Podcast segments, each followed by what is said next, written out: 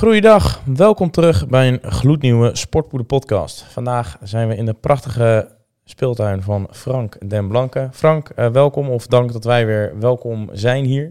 Natuurlijk, kleine moeite. Ja, eh, vandaag eh, gaan we het in de podcast hebben over spiergroei. Ehm, en ja, hoe, het, hoe het werkt. Ehm, ja, Frank, hoe lang train jij ongeveer al? Meer dan 20 jaar inmiddels. Meer dan 20 jaar. Ja, je bent natuurlijk ook eh, nou ja, coach, om maar zo te zeggen. Je hebt zelfs een heel coachingteam onder je. eh, meerdere jaren ervaring. Dus eh, nou, daarbij gelijk de introductie van Frank, dat jullie weten dat hij weet waar hij het over heeft. Ehm, ja, om even een- met een algemene vraag in huis te vallen. Hoe werkt spiergroei en wat zijn enkel de belangrijkste factoren die bijdragen aan de groei van spieren? Nou, er zijn drie manieren die onderzocht zijn hoe je spiermassa kan opbouwen. Je hebt mechanical tension, metabolic stress en muscle damage. Dat zijn de drie manieren die je kunt doen. Nou is wel gebleken dat eigenlijk mechanical tension, dus eigenlijk meer spanning genereren, dus eigenlijk zwaarder gaan trainen, om het heel makkelijk te zeggen, dat dat degene is die de meeste groei geeft. Het meest makkelijk om bijvoorbeeld muscle damage uit te leggen wat het nou daadwerkelijk doet. Is stel ik neem mijn shirt en als je een contractie maakt, trek ik mijn shirt samen, rek ik hem op. Dus wat er op een gegeven moment gebeurt bij het oprekken, komen er scheurtjes in mijn shirt. Ja, Alleen wat het eigenlijk is, de herstelfase daarna zorgt ervoor dat het shirt weer hersteld wordt. Maar er komt geen extra weefsel op. Dus je krijgt geen dikker shirt. Dus dan groei je uiteindelijk niet. Dus dat werkt niet zo heel goed. En met metabolic stress, dat is meer de pomp, het verzuren en dat soort dingen. ja. Ja, het helpt wel heel erg, maar er zit niet heel veel potentie tot veel groei van in. Dus je gaat echt wel voornamelijk op een gegeven moment meer spanning moeten genereren om groei te krijgen. Dus als je mij zou vragen van oké, hoe moet ik het dan indelen? Nou, ongeveer 60 tot 70 procent van de tijd focus je op mechanical tension. En die andere, nou, dat is het 30, 40 procent, die verdeel je een beetje over muscle damage en metabolic stress. Ja, oké.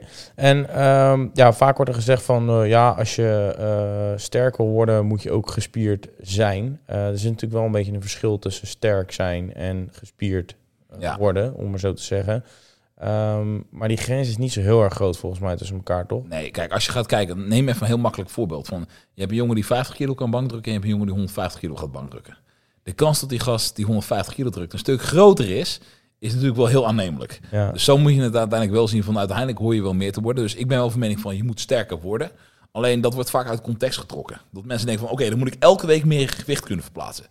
Dat is niet waar. Maar als ik jou zou vragen 1 januari 2022 hoeveel kilo kon je bankdrukken en 1 januari 2023 hoeveel kilo kon je bankdrukken, dat zou wel meer moeten worden. Op, dus op jaarbasis zou je wel sterker moeten worden. Maar ga je elke week, elke maand heel veel sterker worden? Nee, want het ligt er een beetje aan wat je aan het doen bent. Ben je net zoals Red op dieet, ga je als het goed is iets inleveren. Maar gaat dit daarna weer een lange bulkfase in, hoort hij uiteindelijk wel weer op een nieuwe top te komen. ik hoop het wel, ja. Ja, dus daar- daar zit voor niks aan het bulken. Ja, dus daar zit een beetje die keerzijde is van, uiteindelijk hoor je wel sterker te worden, maar dat zal niet heel snel zichtbaar worden. Ja, en wat is een beetje een realistisch verwachtingpatroon in het sterker worden? Want eh, Nou. ja, er zijn alsnog heel veel mensen die normaal benchen of normaal squatten of normaal deadliften. Eh, als je binnen een jaar vergelijkt, hoeveel procent zou je Nou, ongeveer... je kan het sneller kan je het eigenlijk al uitrekenen. Als je in een serieuze bulkperiode zit, dus in een dieet werkt het niet, want je herstelcapaciteit is minder. Mhm. Maar ben je in een positieve energiebalans, dus je eet meer voeding dan dat je verbrandt, dan op een compound oefening, denk bankdrukken, squatten, deadliften, 10% per maand zou je serieus sterker kunnen worden. Dus kan je nu op 80 kilo bankdrukken, kan je eind van de maand 2, of eh, 88 kilo drukken, dan 96, zo ga je omhoog. Dat is realistisch haalbaar. Ga je naar isolatieoefeningen, denk een side race, bicep curl, dat soort dingetjes. Twee, drie herhalingen in een maand, dat hoor je er wel bij te kunnen krijgen. Ja, Maar ook dan kan je ook voor jezelf een logische progressie uitschrijven. Dus stel, je kan 100 kilo in week 1, 102,5 in week 2, 105 in week 3, 107. En zo ga je omhoog. Die progressie zou je wel moeten kunnen maken als je goed herstelt. Red je dat nou niet, denk je, ja Frank, no way dat ik dat red. Waarschijnlijk doe je te veel in de gym. Daar zit letterlijk het probleem. Of je slaapt te weinig, of je doet te veel in de gym. Maar dan zou je het wel moeten redden. ja oké. En als we dan gaan kijken naar de, de categorie van oefeningen. Je zijn Ja. natuurlijk isolatieoefeningen, compounds. ehm, een compound. Kan je misschien even in Jip Janneke taal uitleggen wat een compound oefening Ja, is? een compound oefening is een oefening waarbij je meerdere spieren tegelijkertijd gebruikt. Dus doe jij bijvoorbeeld een bankdruk of een squat. Bij bankdruk gebruik je je borst, je schouder en je tricep. Bij, bank, eh, bij squatten gebruik je je quadriceps en je billen. Dus je gebruikt meerdere spieren om de oefening te voltooien. Ja. Waarbij een isolatieoefening, bijvoorbeeld een bicep curl, gebruik je alleen je biceps. Een side race gebruik je alleen je schouder.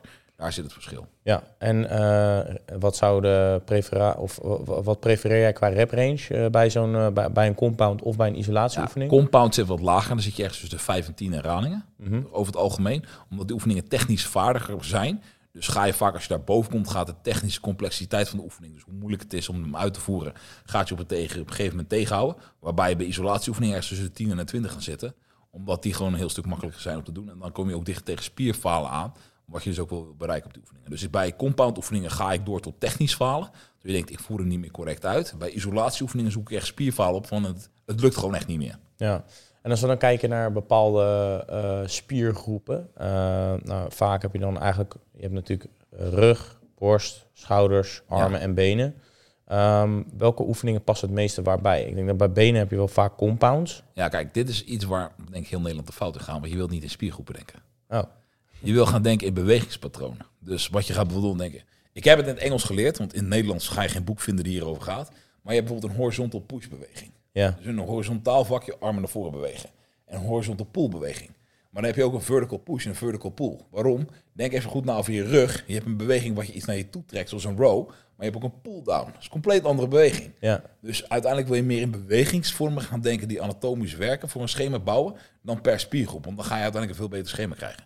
Oké. anders sla je heel veel bewegingspatronen over, waardoor je eigenlijk best wel veel spiergroei laat liggen. En hoeveel bewegingspatronen zijn er dan? Heel Nou, veel? Nou, je hebt horizontal pull en push. Ja. Dat is voor naar voren bewegen en naar achteren in horizontaal vlak. En dan push en pull. Dan Dan naar heb voren bewegen is dan borst. ja, naar- naar vo- borst. Dan heb je horizontal pull, dat is voornamelijk rug. Ja. Vertical push is voornamelijk schouders. Vertical pull is voornamelijk eh latissimus, dus eigenlijk rugvleugel. Ja. Dan heb je elbow flexie, elbow extensie. Nou, biceps en triceps, heel makkelijk. Dus dan heb je dus, eh, nou je hebt hip extensie en hip flexie. Hip extensie is bijvoorbeeld, eh, moet je, moet ik het wel goed zeggen, hip flexie is je psoaspier, hip extensie zijn je bilspieren. Dan heb je nog je knie extensie en knieflexie. Knie extensie is een quadriceps, knieflexie is je hamstring. Ja. En zo heb je die, al, al die varianten heb je. Oké. En als je dan kijkt naar eh, het bovenlichaam, dus je zei dan horizontal push en pull, bewegingspatroon, welke rep range zou je daarbij aanhouden? Eh, dat ligt aan het type oefening. Want neem even gewoon het voorbeeld tussen een lat pull-down en een pull-up. Ja. Een lat pull-down is, kan je makkelijker een hogere rep range halen dan een pull-up. Want bij een pull-up wordt op een gegeven moment een technische vaardigheid en red je Ja, niet. een pull-up is toch bijna meer een compound eigenlijk? Ja, maar, dus, maar het wordt op een gegeven moment een technische vaardigheid of je hoeveel herhalingen kan. Ik weet van mezelf, ik kan ongeveer acht herhalingen pull-ups kan ik. Met mijn lichaamsgewicht, maar ook met 60 kilo aan me. Oké. Dus dan, de negende lukt gewoon niet. Ja, en als je dan kijkt bij isolatieoefeningen, da- daar zei je dus eh, nou, meer tussen de nou, 10 tot 20 herhalingen. Waar kan je dat aan herkennen dat het een isolatieoefening is? Want ik denk dat dat makkelijker is om te benoemen dan een bewegingspatroon. Ja, je gebruikt sowieso één spier voor de oefening. Dus dat is, en het is vaak, je gaat ze niet heel zwaar kunnen. Er zijn geen isolatieoefeningen die je kan bedenken die je ooit met 50 kilo gaat doen. Dat komt bijna niet voor. Dat, eh, dat soort dingen lukt dus niet. Ah, zijn ook- misschien een leg extension dan. Ja, dat zou misschien nog kunnen, maar als je Nee, één- hem goed uitvoert, dan waarschijnlijk niet. Nee, maar dus dat komt gewoon niet heel veel voor. Dus het is gewoon waar je één spier bij gebruikt. Mhm. En ja, het is heel stabiel, heel makkelijk uit te voeren. Dus ook als je denkt van, ja, zou ik hier gewond op kunnen raken, moet je serieus je best doen. Als je zo eigenlijk logisch nadenkt. Ja, Want vaak is het balanselement maakt het een compound oefening. oké. Ehm, ja, dus compounds dan tussen de eh 5 tot 10 herhalingen Ja. ongeveer. En eh, isolatie dan 10 tot 20. Ehm, dan komen we bij het volgende stapje. Want je doet dan 20 reps. Maar stel dat je nou 22 kan. Dan doe je er natuurlijk het liefst 23. En als het kan 24, Ja, intensiteit. ja. Ik denk dat dat wel een, eh, dat is eigenlijk een van de laatste stappen die eh, komt, komt spelen. Alleen dat is denk ik wel hetgene wat het grootste de rol gaat spelen qua progressie. Nou, ik zeg, je hebt drie fases eigenlijk waar, waar je doorheen gaat, met trainen. De eerste fase is, je komt de sportschool binnen. Heel eerlijk, het maakt niet heel veel uit wat je doet. Want alles Dus kan je is kleine teenbeweging groeit. Ja, bijna je kan, wel, Je kan want- squatten, benchen, deadliften en je haalt alsnog een mooi Ja, fysiek dus- binnen een jaar. Ja, uiteindelijk wel. Het eerste half jaar wat je in de sportschool doet, alles werkt. Ja, Daarna met een simpele lineaire progressie. Dat houdt gewoon in bijvoorbeeld, je doet drie setjes van 10 in week, de eerste drie weken, drie setjes van 12 in de volgende drie weken, drie setjes van 15 in de volgende drie weken. Ga je weer terug naar drie setjes van 10, kan je serieus tot 2,5 jaar kan je gewoon prima progressie boeken. ja. Daarna kom je op een fase dat het allemaal wat complexer gaat worden, want dan ga je wat meer je best moeten doen. ja dan moet je die spier nog meer uitdagen. Ja, want dan is het op een gegeven moment de is- basisdingen ja. gewend. En dan heb je wat nodig. Nou, dan wordt intensiteit en effort in één keer heel belangrijk. Dus hoe zwaar train je daadwerkelijk en hoezeer doe je je best? Die worden dan heel belangrijk. En ik denk dat daar een heel groot probleem zit. Is dat mensen eigenlijk niet weten hoe ver ze zich kunnen pushen. Dat was volgens mij een telefoon. Die nee, dus eh, wat, het, eh, wat het vaak is, ja, je moet binnen vijf herhalingen van spierfalen moet je wel afkomen. Maar het probleem is als je bij een gemiddelde persoon ernaast gaat staan, je zet een pistool op zo en zegt ga door dat je echt niet meer kan. Dat er een stuk meer uitkomen dan nummer 5. Want volgens mij een wetenschappelijk onderzoek wat ik gelezen had was 14, was volgens mij het gemiddelde aantal dat mensen eroverheen gingen. Dan zijn ze eigenlijk opwarmzetjes aan het doen. Ja, eigenlijk Ja, wel hè. ja.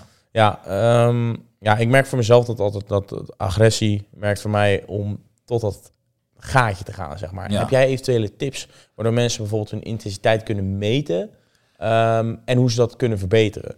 De meest makkelijke manier om te meten is als je jezelf zo filmen in de sportschool. Iedereen heeft wel een shakebeker. Nou, je zet je gewoon je telefoon tegenaan. Je kan een sportpoederbeker nemen. Dan uh, is Red ook weer bij. Prachtige sportpoeder shaker inderdaad. Ja. Dan zet je gewoon je telefoon tegenaan en je filmt gewoon van de zijkant film je de oefening. Nooit van voren filmen, dan kan je niet zien wat je techniek is ten eerste. Altijd van de zijkant filmen. Je hebt je concentrische fase in een oefening. Dus zoals wanneer je kracht zet. Denk even bij bankdrukken wanneer je hem uitstoot. Ja, dus wanneer de spier samenkomt. Ja, eigenlijk. dus de eerste herhaling meet je eigenlijk jouw snelheid dat je die doet. Dus laat zeggen, je doet er 1,1 seconde over om hem uit te stoten. Mhm. Jouw laatste herhaling zou eigenlijk drie keer zo langzaam moeten zijn als jouw eerste concentrische herhaling. Dus bij het bankdrukken ga je letterlijk drie seconden erover doen. En, yes, ik heb hem boven gekregen. Ja. Dan zou je pas goed zitten. Maar wat je vaak gaat merken is dat je eerder opgeeft omdat je in paniek raakt. Maar als je echt dus de tijd gaat meten, dan kom je er een keer achter, oh, ik had nog heel erg een stukje door kunnen gaan. Want je gaat schikken hoe ver je dan kan komen. Ja. En uh, wat zijn de bepaalde, want je hebt natuurlijk ook vaak uh, coaching uh, cliënten. Ik denk dat je daar ook wel vaak de discussie mee hebt gehad over, ja, je intensiteit is niet goed genoeg. Wat zijn algemene tips waarvan je zegt van, oké, okay, hier kun je intensiteit verder mee pushen? Want ja, het, het is, een mental game, denk de, ik. De enige oplossing die we hebben gevonden is dat mensen echt fysiek training moeten geven. Tot mensen gewoon, als ik gewoon zelf kijk van hoe heb ik zelf geleerd om verder te gaan. Ik heb bijvoorbeeld, ik weet de eerste keer was denk ik in 2014 was ik op een muscle camp in Amerika en toen werd ik door Cassim Hansen en Joe Bennett en Adam uh, Miller werd ik gewoon echt nou afgedroogd. Nou, dat is nog vriendelijk gezegd. Je moet voorstellen, ik moest een hexsquat doen met ongeveer 6 seconden zakken. Daarna moest ik een leg press doen met één been en daarna moest ik nog leg extension doen. Na de leg press kon ik niet meer opstaan, dus Adam en Bryce stilden mij op heffen mij gewoon in de volgende machine, gaan maar gewoon door. ik weet nog dat ik terug vloog vanuit Tampa, vloog ik op Philadelphia en terug naar Amsterdam. Op Philadelphia moest ik van de ene gate naar de andere gate lopen en ik kon echt niet meer lopen. Tot er zo'n golfkartje voorbij kwam, die man gewoon net zei, dit is iets wel echt zielig, ga maar even zitten jongen. Je gaat er gewoon niet komen. En ik denk dat ik die volgende zomer had ik training van Dorian Yates. En toen kwam ik er wel echt achter van hoe ver je een set maximaal kan pushen. Want ik weet dat ik een hexpad met hem moest doen. Het duurde ongeveer 15 tot 20 minuten tot, überhaupt Paula, tot ik Paula herkende, mijn vrouw, van oh, hier ben ik dus. Ik, want ik wist echt niet meer waar ik was. Dus ik dacht, oké, dat is wel echt tien herhalingen verder. Want ik weet nog, ik was volgens mij bij herhaling 6 op die hexpad en dacht van oké, ik ben nu echt klaar. Ik kan 7 kom ik niet meer omhoog. En ik mocht bij 27 mocht stoppen. Ik oké, dat was echt veel verder dan ik had gedacht dat een menselijk lichaam kon.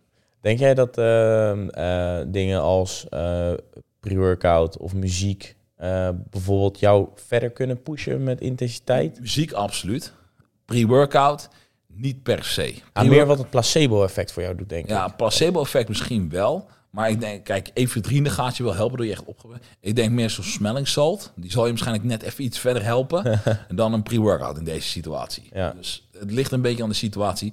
Maar een pre-workout, omdat het niet een hevige piek is. Iemand die moet ik denk ademhalingsoefeningen zou je misschien eerder in de strand kunnen hebben. Dat je echt zo'n Wim Hof methode doet met snel hyperventileren. Mm -hmm. Dat je dan eerder in de buurt komt van waar je moet komen dan een pre-workout. Want ik denk Ja. niet dat het hevig genoeg is. Ja, ik merk het zelf vaak dat als ik eh, een goede overdosis cafeïne in mijn, in mijn lichaam heb zitten... in combinatie met het juiste eh, plaatje aan... eh, dat ik dan toch wel agressie kan opwekken. En met agressie kan ik juist Ja. op RPI 9... in plaats van dat ik normaal op 7 zou trainen, Ja. doorgaan.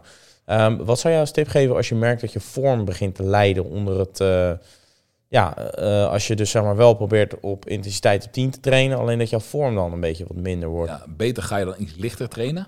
Ja. Dat je je vorm wel kan houden en dan doe je maar een paar reps extra. Dan dat je zwaarder gaat en je blessures krijgt. Eh, stel, we hebben 60 kilo. eh ben een iliac lat pull down aan het doen. Unilateral, enkelhandig. Eh ik zit op 60 kilo. maar ik merk dat rep 8, dat het er niet meer uitziet. Hoeveel Ja. procent zou je bet- beter kunnen verlagen? Ja, gemiddeld is ongeveer 5 tot 10 procent. 5 tot 10 procent. Dus dan op ongeveer 54 kilo ongeveer Ja, zoiets. zoiets, ja. oké. Oké. Ehm, ja, wa- wat zie jij vaak dat eh veelgemaakte fouten zijn eh, wat betreft progressie? Dat je zegt van oké, dit zie ik vaak fout gaan. Hierdoor blijven mensen hangen buiten in zijn intensiteit om. Ja, sowieso een logboek bijhouden, als dat al gedaan wordt. Dus dat tegenwoordig iedereen zeggen, het log je trainingen. Dat, eh, dat Ja, is dus duidelijk. logboek is wel nummer één. Dan op een gegeven moment is de angst voor het logboek.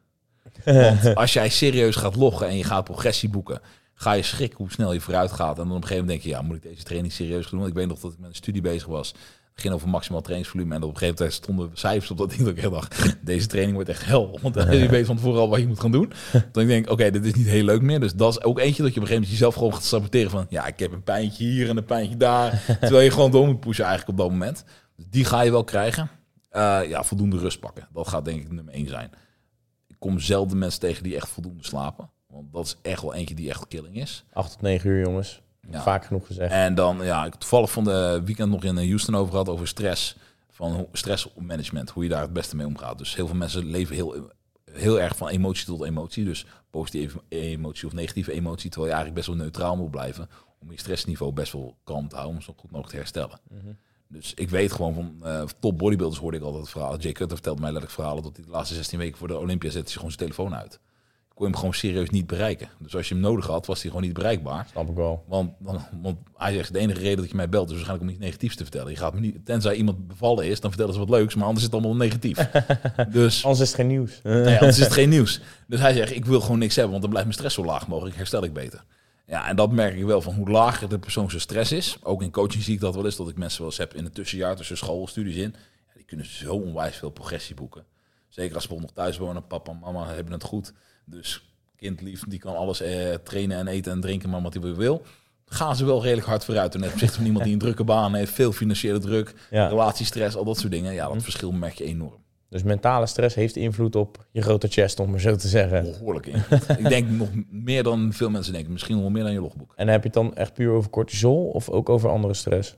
Ja, cortisol heb je kortdurende en langdurige stress. Dus Ja. kort- Ja, de, de reden waarom ik het vraag is omdat eh, best wel branding supplementen de laatste tijd, ashwagandha, eh verlaag je cortisol, eh, is uit bepaald onderzoek gebleken. ja. Zou je dan zeggen van oké, ik ervaar veel stress, ashwagandha zou dan een oplossing kunnen zijn daarvoor? Het is een druppel op een warme plaat.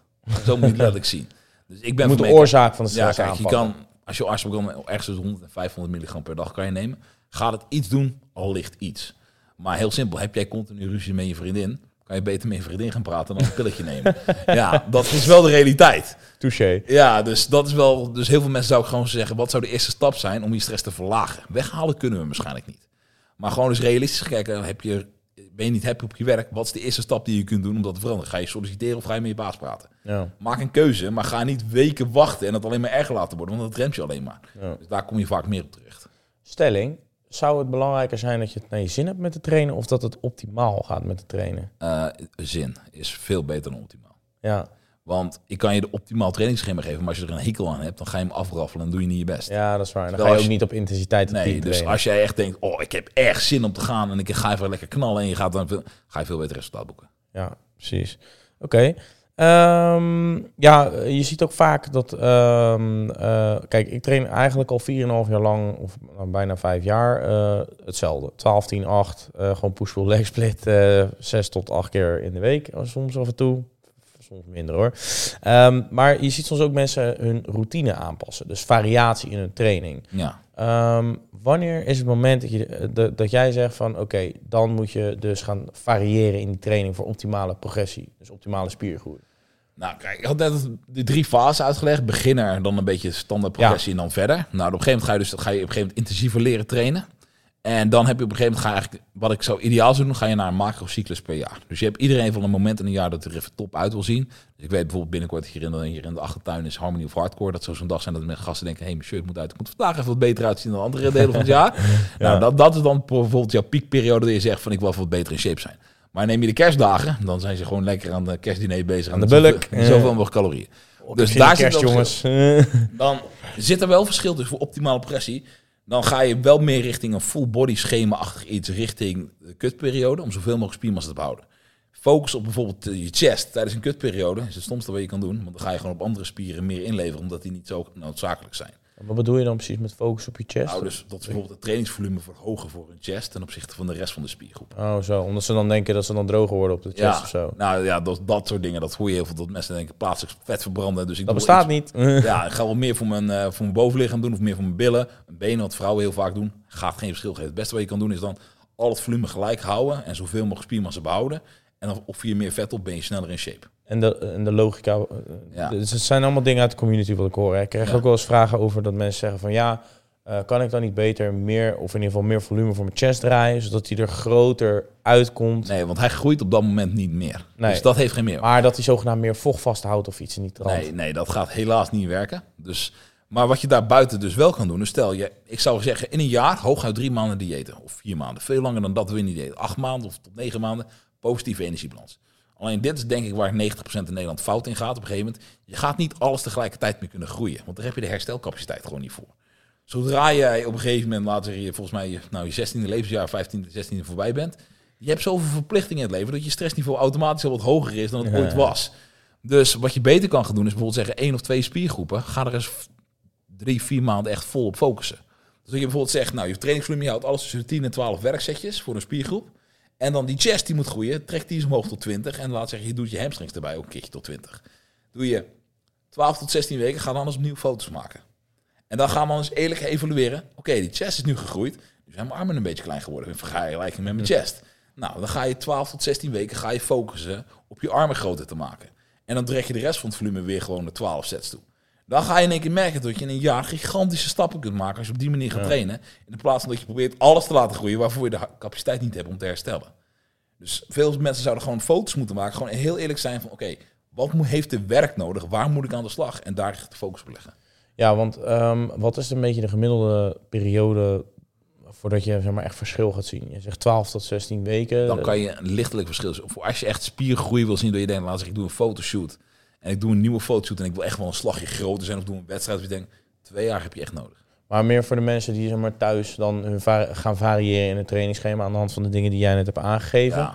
Ehm, wat is ongeveer de gemiddelde tijd voordat ze echt kunnen verwachten dat het dus dat ze inderdaad hun intensiteit goed hebben, rep range goed, eh, Ja. vorm goed natuurlijk ook heel Ja, kijk, belangrijk. Ik zeg vaak, hou je 12 tot 16 weken ga je je volume aanpassen. Maar heel eerlijk, je oefeningen veranderen niet. Dus je doet wat meer een flat dumbbell press in je borstperiode. Dan- Maar die flat dumbbell press gaat er in die andere periode niet uit. Die Nee. blijft er, dus de ene keer doe je misschien vier sets ervan en dan breng je weer terug naar twee setjes. Ja. En dan ga je focus leggen op je, op je incline cable curl. En dan doe je daar in één keer vier sets voor. Waar je de rest van het jaar er alleen maar twee sets voor doet. ja, precies. Dat soort dingen ga je op een gegeven moment doen. Maar de oefeningen blijven gewoon letterlijk hetzelfde. Het is alleen het volume van hoeveel sets je doet. Daar gaat in wat in veranderen. Rep ranges hier en daar misschien een klein beetje. Maar de basisdingen, de oefeningen blijven eigenlijk gewoon het hele jaar hetzelfde. Ja. En jij zegt ook volume, hè? Eh, dan heb je het natuurlijk over de, over de sets eh, tijdens het trainen. En dan heb je het eigenlijk puur over de werksets, toch? Ja. De, de opwarmsetjes stel je niet mee, want Nee, het heet dat- opwarmen. Nee, dus eigenlijk alles wat meer dan vijf herhalingen van falen af is, tel ik niet. nou, dan mag je dus kritisch bij jezelf gaan kijken of je echt tot falen hebt getraind eh, bij Ja. die set. En anders moet je hem van Frank nog een keer overnieuw doen, anders komt hij je s'nachts opzoeken met de stok. Ehm, nee, maar in ieder geval, ehm, eh, dus dan stel hè, eh, voor borst eh, zou je dan, eh, want hoeveel sets per, want jij rekent Als je, vaak als je met gewoon een sets per... voorbeeldprogressie wil zien hoe het eruit ziet, om het makkelijk uit te leggen. Laten we zeggen, we gaan het 16 weken doen. De week, eerste drie weken doe je bijvoorbeeld gewoon 12 sets voor borst. Ja. Dan van week 4 tot en met week 6 doe je bijvoorbeeld 14 sets. Dan van week 7 tot en met week 9 doe je 16 sets voor borst. En dan bouw je hem op een gegeven moment op tot je rond de 20 ongeveer uitkomt. Dan einde misschien iets hoger, 24 in sommige situaties. En dan trek je hem weer omlaag. Want dan ga je ook merken dat je het echt nodig hebt. Want je gaat genoeg pijntjes krijgen omdat je zo'n hoog volume voor je borst hebt. Ja, en dat is dan denk ik wel goed om te zeggen. eh, want jij zegt natuurlijk het hoeveelheid sets, sets per week. Ehm, maar dan hangt het natuurlijk ook af van de split. Alleen Ja. elke spiergroep voor spiergroei, misschien in het begin van de podcast ook al even op kunnen gooien, moet je natuurlijk eigenlijk om de twee dagen trainen, toch? Nee, Als het kan. minimaal twee keer per week. Minimaal twee keer per week. Ja, dat, ja, Dus niet- dat niet komt om een beetje, twee, ja, ja. bijna een beetje op hetzelfde neer. Maar ja, dus, want ehm, eh, ja, ik zeg vaak altijd eh 1 tot 3 dagen full body, eh 4 dagen upper lower split, 5 dagen push pull legs, upper lower en 6 dagen push pull legs, push pull legs. Ja. En 7 dagen doen we niet, want één dag rust in de week is toch wel nodig, minimaal. Dat klopt wel een beetje toch wat ik net zeg? grote lijnen kloppen. Er zijn wat Grote variaties op nodig die je kan maken, maar Ja, inderdaad. Maar dat is dus op basis daarvan die hoeveelheid sets per week. Ja. Dus stel je hebt dan, dus ook al doe je een full body of een push pull legs, eh, Ja. die eerste drie weken met sets. eh, Nou ga ik Met wel zeggen, ben je op een gegeven moment serieus met spieropbouw bezig. Drie keer in de week ga je het niet meer redden. Dan, Nee, ga, je, nee, dan dat ga je gewoon niet uitkomen. Dat lukt gewoon niet meer. Dus dan ga je wel minimaal vier keer moeten trainen. En dan ga je op een gegeven moment kijken, is het inderdaad upper-lower? Of moet je inderdaad voorzijde, achterzijde schema's gaan doen of iets dergelijks. Om te kijken of je dan wel het volume kan aanpakken. Ja, en dan ga ik even een retorische vraag stellen. Als iemand nou zegt van ja, ik ga drie keer per week, maar ik groei al. Gewoon lekker doorgaan waar je mee bezig bent. Ja, maar dan, dan, dan is ligt de potentie nog wel hoger, denk ik, Ja, toch? kijk, Ja. je moet zo zien, je hebt optimale progressie. Ja, En je hebt wat is haalbaar. Dus heel veel mensen denken, oh, maar dat red ik nu niet, dan ben ik verdoemd. Nee, je hebt 100% progressie, misschien ga je maar 80% vooruit. ja dat. Dan ga je nog steeds een hele hoop vooruit ten opzichte van waar je was. En ik denk dat mensen dat wel moeten begrijpen. Ja, ja en ehm, nou ja, dan, hebben we het natuurlijk over het vooral trainen eh, in de sportschool. Nou, waarschijnlijk alsnog iets wat bijna heel de community naar onderhand al weet. Maar eh, voeding, eh, speelt natuurlijk een grote rol. je hebt natuurlijk de hoeveelheid calorieën. Als je wil bouwen, moet je in een positieve calorieënbalans zitten. Ehm, vuistregels qua macronutriënten. Dus eiwitten, koolhydraten, vetten. Wat zijn de vuistregels erin? Voor spierenbouw? Uh, ja. ja. Voor eiwitten zit je ergens tussen de 1,2 gram en 2 gram per kilo. De enige, eh, je hebt niet zo heel veel nodig, want dan kijk je vetten zitten ergens tussen de 15 en 35 procent. Dat is best een ruime range. Mhm. Nou, waar zit die voorkeur nou in? Heel simpel, hou je van brood, pasta, pinde, uh, brood, havermout en pasta. Eet wat meer koolhydraten, hou je meer van pindakaas, zalm, avocado, dan eet je wat meer vetten. Daar zit letterlijk het verschil tussen eigenlijk. Dat, dan kom je al vaak automatisch een beetje uit wat je goed ligt. De rest is koolhydraten. Die gaan serieus hoog zijn. Nou, koolhydraten hebben wel wat potentiële effecten voor spieropbouw. Daarom kunnen je eiwitten wat laag zijn. Dus de enige reden dat ik misschien af en toe wat hoger ga, is omdat mensen zeggen, ja Frank, ik wil een beetje vlees eten in de avond hoor. Anders heb ik geen stukje vlees meer. Ja. Dan ga je maar wat hoger. Het is niet erg. Dieet wordt iets duurder. Dat is het enige verschil. Ja, precies. Maar het is niet erg als je iets hoger in eiwitten zit. Dus dat zijn een beetje de vuistregels wat het is. En dan doe ik vaak 10 gram vezels per duizend calorieën. Een beetje in die richting. 10 gram vezel. En uh, kan je een paar vezelrijke producten opnoemen? Want ik denk dat heel veel mensen vezelarm eten. Ja, gewoon al doe je gewoon groentes eten. Dus neem je broccoli, spersieboon, dat soort dingen zitten allemaal vezels in. Nou, neem je volkorenproducten, zit al heel wat vezels in. Zo kan je er al best wel snel aankomen. Maar zelfs blauwe bessen, frambozen, aardbeien zit ook veel vezels Ja, gezonde dingen vooral. Dus geen Oreo's, daar zitten geen vezels in. Nee, die raakt sowieso niet heel veel aan. ja, in de bulk misschien. Nou ja, zelfs dan niet eens, maar dat... Uh, ik denk dat het grootste probleem komt met de bulk, is hoe groot je overschot kan zijn. Dus jij hebt je energiebalans, dus makkelijk rekensom is gewoon je lichaamsgewicht keer 33, dan zit je ongeveer op je onderhoud.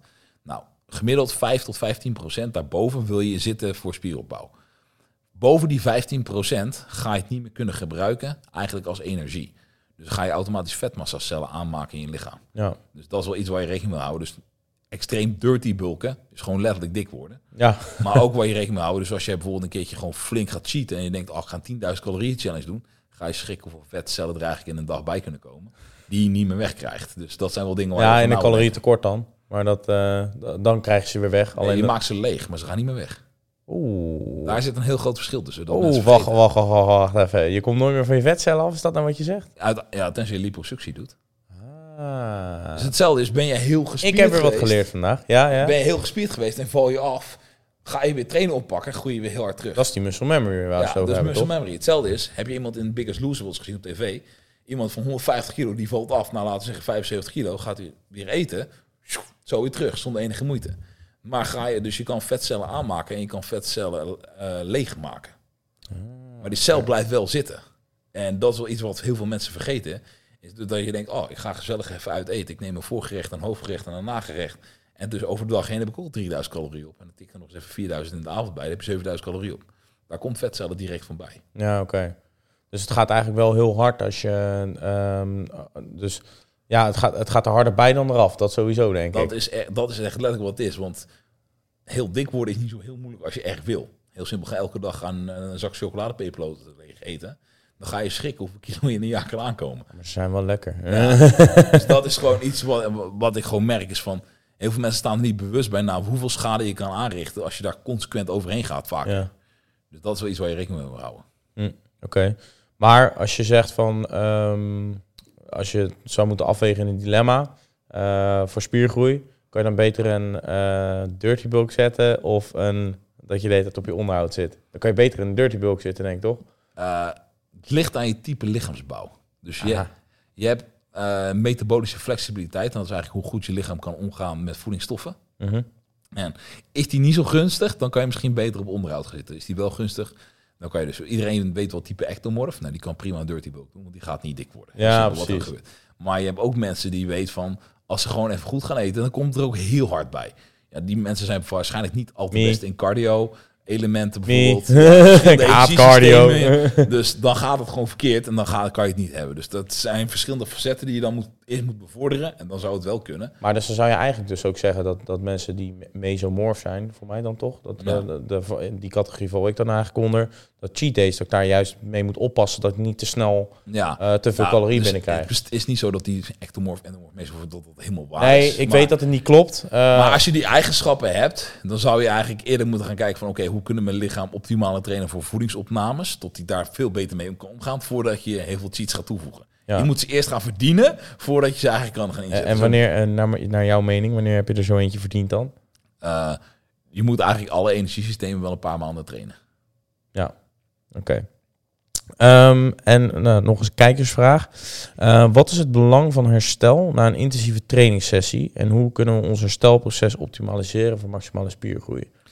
Nou, het herst- herstel is denk ik, ja, als je gaat kijken naar een model van supercompensatie, als je dat bij Google gewoon intipt naar afbeeldingen, dan zie je al, je training is echt zo'n minuscuul skukje en je herstel is echt zo'n lab. Ja. Dus meestal is het ongeveer 72 uur, een beetje afhankelijk van wat je gedaan hebt. Dus als je dat wil maximaliseren, het eerste is je voeding direct na het trainen. Dat is heel belangrijk. Dus gewoon kipfilet met witte rijst heb je alle stoffen al binnen. Hoef je niet supplementen te nemen, dan heb je eigenlijk al. Ik heb vandaag in mijn slides ook een heel rijtje supplementen staan dat je kan nemen post training. Dat zijn er echt heel veel. En, maar die stoffen zitten in die twee producten zitten eigenlijk allemaal al. Maar je kan ook gewoon een eiwitshake nemen, dan ben je er ook al. Koolhydraten helpen wel als je dat wil aanvullen. Dus daar is stap 1. Dan is eigenlijk wat je wil doen is zorgen dat je zo snel mogelijk kalmeert. Dus een flinke dosis koolhydraten maakt meer GABA en serotonine aan. Het zijn twee neurotransmitters die het zenuwstelsel kalmeren. Dus dat is één ding wat wat je doet. Dus je grootste koolhydraatportie wil je daardoor idealiter wel na trainen hebben, zodat je die neurotransmitters aanmaakt, zodat je kalmeert. Ja. Denk maar eens goed na. Iedereen is wel een keertje uit eten geweest, dat je te veel hebt gegeten. En dan zit je gabend op de bank en dan val je bijna al in slaap. Nou, dat is eigenlijk gewoon die GABA en serotonine hebben een overdosis gehad. Word je heel duf van, slaap je heel goed. Nou, eigenlijk waar je wel rekening mee houden, als je echt tot het gaatje traint, wil je minimaal 6 uur voor slaaptijd wil je gaan trainen. Dus je wilt eigenlijk liefst niet in de aandacht van trainen. Ik snap dat niet voor iedereen mogelijk is, maar als je het echt optimaal wil doen, moet je daar wel rekening mee houden. En ja, dan is het wel gewoon echt voldoende slaap gelijk pakken. Dus dan wil je echt denken aan 8 uur slaap, zou je eigenlijk liefst wel willen aantikken. Dat zijn de basisdingen die je wil doen. Ja, oké.